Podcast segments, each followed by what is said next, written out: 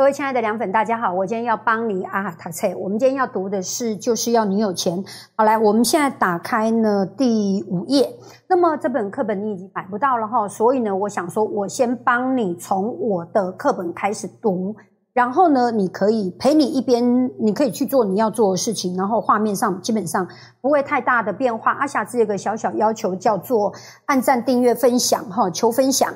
好，那我们现在开始翻开第五页里面呢，我讲了一个例子，我自己亲身例子。我的第一份工作影响我的一辈子，人生的精彩不是别人要赋予给你的，而是自己创造的。工作是一时的，但是呢，事业是长久的。只有把眼光放远，未来的事业才可长可久。还有再过来呢，如何能够创造优质的竞争？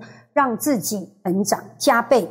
那么遇到能力强的同事呢？你要虚心的去跟他做学习，然后这是你成长的好机会。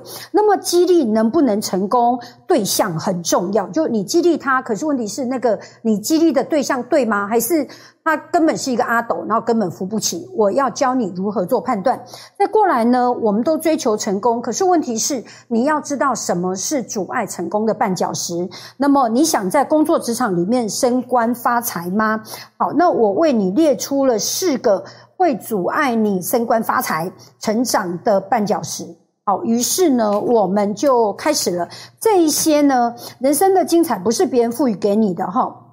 好，那么我认为进入社会的第一份工作非常的重要，你遇到的人事物都会影响你的一辈子。那么就跟出生的小孩深受父母或家庭的影响是一样的哈。好，那那时候呢，我刚毕业，那么股票市场正在冲一万点，那么证券市场成为一个最热门的行业。那我记得我考上国华证券的时候呢，那么很多人跟梁爸爸勇气有讲，哎呀。因为拎的拎拎刀被喝起啊哈，好，那么呢，我要说的事情是我第一天上班的一个情况。我早上七点五十分去报道，然后呢，填写人事表格之后呢，在位上大概坐了一个多小时之后，终于来了一个小姐，然后那个小姐呢手上抱了一堆厚厚的资料，然后要我去影印，然后那时候我的。第一个反应是说，那我可怜三种档案，然后各三百份，因为国华证券是一个大的证券公司哦，我们公司好几百人，然后呢，我一个早上怎么可能印得完？于是呢，我就要想办法能够把它达成啊！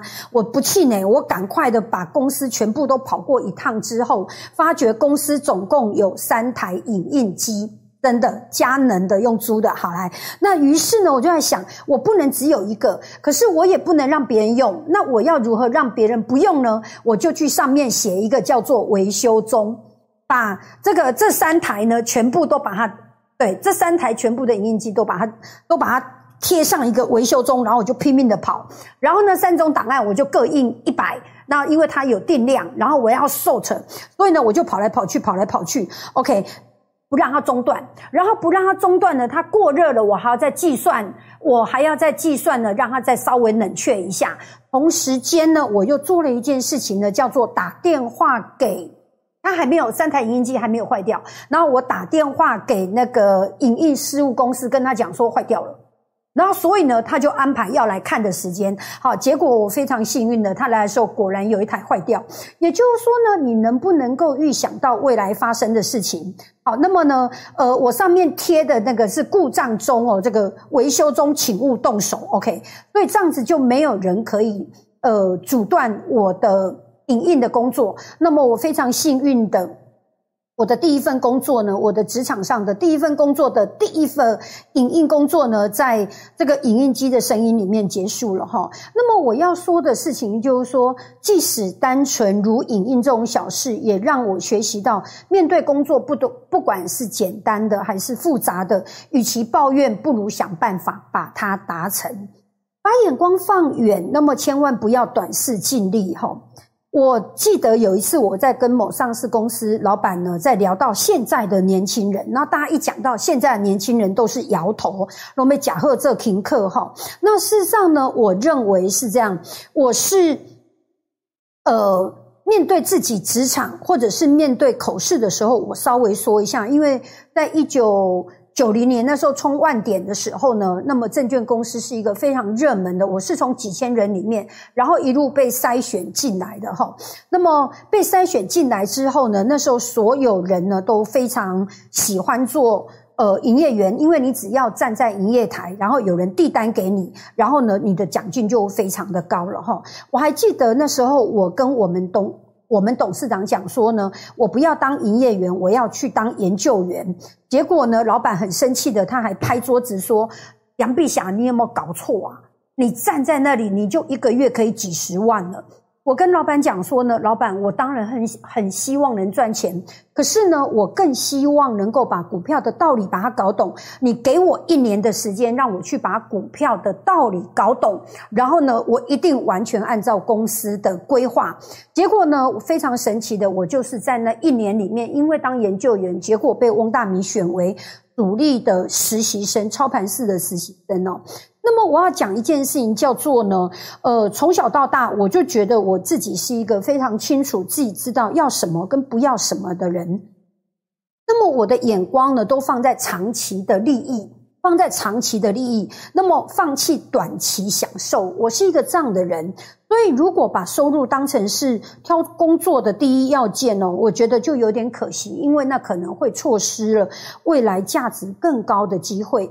那么，呃，我从来不计较自己可以从现在做的事情里面获得了多少，那么才会决定要不要去投入。我只会问自己说：这是不是我想学的？里面有没有我想学的事情？一直包括现在，我都觉得我录制这样的节目呢，我是想让大家能够够从投资的态度开始做起。好，我们呢进入第二天哦，优质的竞争成长加倍，遇到一个能力比比我们强的人，我们就要虚心的请教哦。那么我。曾经在日盛证券的研究部、自营部。那么日盛证券那时候，我是先进入研究部之后呢，然后后来被调到自营哦。那时候我已经不是出生之犊的社会新鲜人了，但是呢，因为研究团队非常的强，然后呢，让我一进去的时候就倍感压力。真的，因为那时候呢，你现在所有。看到人呢，例如说，包括什么，包括呃陆行之，然后包括严正宇，那么他们都是 CY，他们都是整个研究团队都是当时的精英呢。那即使是礼拜六、礼拜天，我还是常常到公司去加班哦。那我喜欢假日在办公室的原因，是因为很安静，然后呢，你可以很。专注的有工作效率，那么当然没有加班费。可是呢，我要说的事情叫做：当你做很多事情不是为了钱，当你做很多事情是为了你自己，并且心怀感激。我常常在想，我当研究员的那段时间，我非常感谢我的老板。我觉得我曾经跟梁爸讲过，就是当研究员是一件非常非常了不起的一件事情。为什么？因为呢，真的要超级感谢老板的。我坐在那里念书，然后我坐在那里读资料，老板还付给我钱。那时候我念东吴的时候呢，梁爸给我三万块，我就卡培训，我就上台北了。那我要去筹学费，我念书要付学费，这天经地义嘛。可是当我进入研究员的时候，我念书，可是老板付给我钱，所以呢。学会感恩是一个人生非常重要的学习态度。OK，你是老鹰还是猫头鹰哦？那么我们在做商学管理的时候呢，我们把所有的人呢分成四个。第一个是麻雀，麻雀呢是配合度很高，可是工作能力比较低。第二个是猫头鹰，能力工作比较高，但是配合度比较低。另外一个是鸵鸟，是消极被动的，然后漠不关心自己，或者是。别人配合度当然也不高。另外一个是老鹰，工作态度很负责任，并且能力很高，意愿也很高。遇到困难的时候呢，会有高度的解决问题，那么会全力以赴完成交办的任务。成功是从想法开始的，就是说没有能不能达成，只有你要不要。所以我们常听到一句话叫做“没有做不到，只有没想到”。那么根据调查，百分之六十五的上班族都在想着要如何跳槽。我们看到人力银行每一年都会宣布说：“哎，现在有三成的人呢，这个希望过年后要要跳槽机会。”我跟各位分享一个，我这辈子只有三个工作。那三个那三个老板呢，就是我一辈子感谢的。那我从来没有想过要跳槽，虽然我领了十年的两万八千块，我都非常的感谢他们。今天阿霞有他们，都是因为他们当年付了两万八千块给我，让我能够坐在那里念书，然后养成神侠。我们进入第三篇。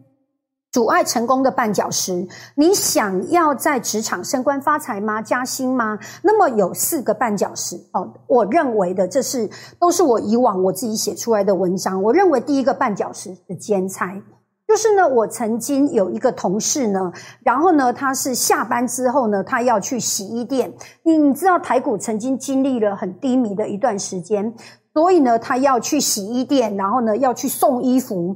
所以呢，然后他忙了半天之后呢，一个晚上可以多增加八千块，或者是一万二。那么我在想，我要我要跟现在的人讲说，你下班之后你应该投资自己，然后不要接单吗？OK，当年呢，大概都是在洗衣店里面哦，那或者是在 Seven 里面打工。那我认为呢，就是兼差当然可以。得到现在一个小时的时薪是一百七十七，那当然可以马上得到钱哦。可是，可是如果把时间拿来投资自己，那你可以忍受比较短时间的收入比较少，那么想办法撑过去自己人生打底的那个阶段哈。所以第一颗绊脚石呢，是我认为是兼差；第二个呢，这个绊脚石是什么？是滥用。呃，科技的工具哈，例如说，我举个例子好了。为了鼓励员工多读书，我们都定期的举举办这个员工读书会哈。有一次呢，我就安排了有一本书叫《执行力》嘛，你记得吗？好，OK，那里面书说到了哈，就是说每次接到工作的时候呢，大概都是需要三个人以上才能执行。那在不影响品质之下，所以呢，你的第一个反应是什么？是如何将人力？从两个人降到一个人，从三个人降到两个人，就是说，呃，如果你用心的学习，那么你就要把中间的流程，中间的流程什么？第一个顺畅化，顺畅化，然后第二个是什么？缩短。也就是说呢，两个人的工作肯定比三个人，你想想看哦，两人三脚跟四个人要几只脚，那个困难度是不是比较来的低？所以呢，中间的流程的顺畅，我觉得是一个非常重要的。而这个流程的顺畅，培养两个人才，而不是培养三个一般人才。呀，这个是我认为，呃，真正的人才是会把工作的流程把它顺畅化的哈。好，那再过来呢，我认为第三个绊脚石是迟到，杰出的人才是不会迟到的。接触的人才是不会迟到的，百分之九十九的公司都有上班时间的规定哈。那么我长期的观察呢，就是因为不迟到的人呢，对自己有比较高的期许。对，例如说，当我一想到工作的时候，我会跳起来，我不会赖床。还有呢，再过来，我很清楚的知道自己今天。是要去做什么，and 全力以赴的。我回顾我这辈子，我最开心的事情要做呢。我做事情我不会迟到，然后我说到我一定做到。建立老板对你的信任，建立客户对你的信任，对，然后这样子你的 reputation 就日积月累的。可能一天看不出来，一个礼拜看不出来，一个月看不出来，一年看不出来，可是三年、五年、十年就看得出来了哈。第四个绊脚石呢，就是不要参加派系的斗争。我们在上班的时候，总难免会有派系，然后会有小团体。那基本上呢，每一次去去上班的时候呢，你都必须要被选边站。如果你没有被选边站的话，等于没有人罩你，没有人保护你。可是呢，在我的感觉里面，在我的感觉里面，当你选边站的时候，如果你上面罩你的人离开，然后呢，你也过一阵子，你也会因为没有人保护你，你总不能回过头去再向另外一个山头示好。而且那个人离开之后，也会把你拉出去。我刚刚有讲到，我这辈子只有三个老板，我每一个工作都做了。做做到老板撑不下去为止，这是真的。改天再跟你分享。那么要如何能够不参加派系呢？就是要能够拿出每一个任务都是都是全力以赴，并且愿意跟其他的呃派系或山头的所有人好好的沟通，专业才是最大的核心竞争力。这样 OK 吗？这就是我今天跟大家分享的打造个人值竞争力哈。那么您的按赞数决定我们的第二集录制。如果今天的按赞数呢有到达五百人，我就继续录第二集。那么希望你喜欢这样的节目，请大家帮我们按赞、订阅、分享，按赞、订阅、分享，求分享、求订阅、求按赞。感谢您，我们下次再见，拜拜。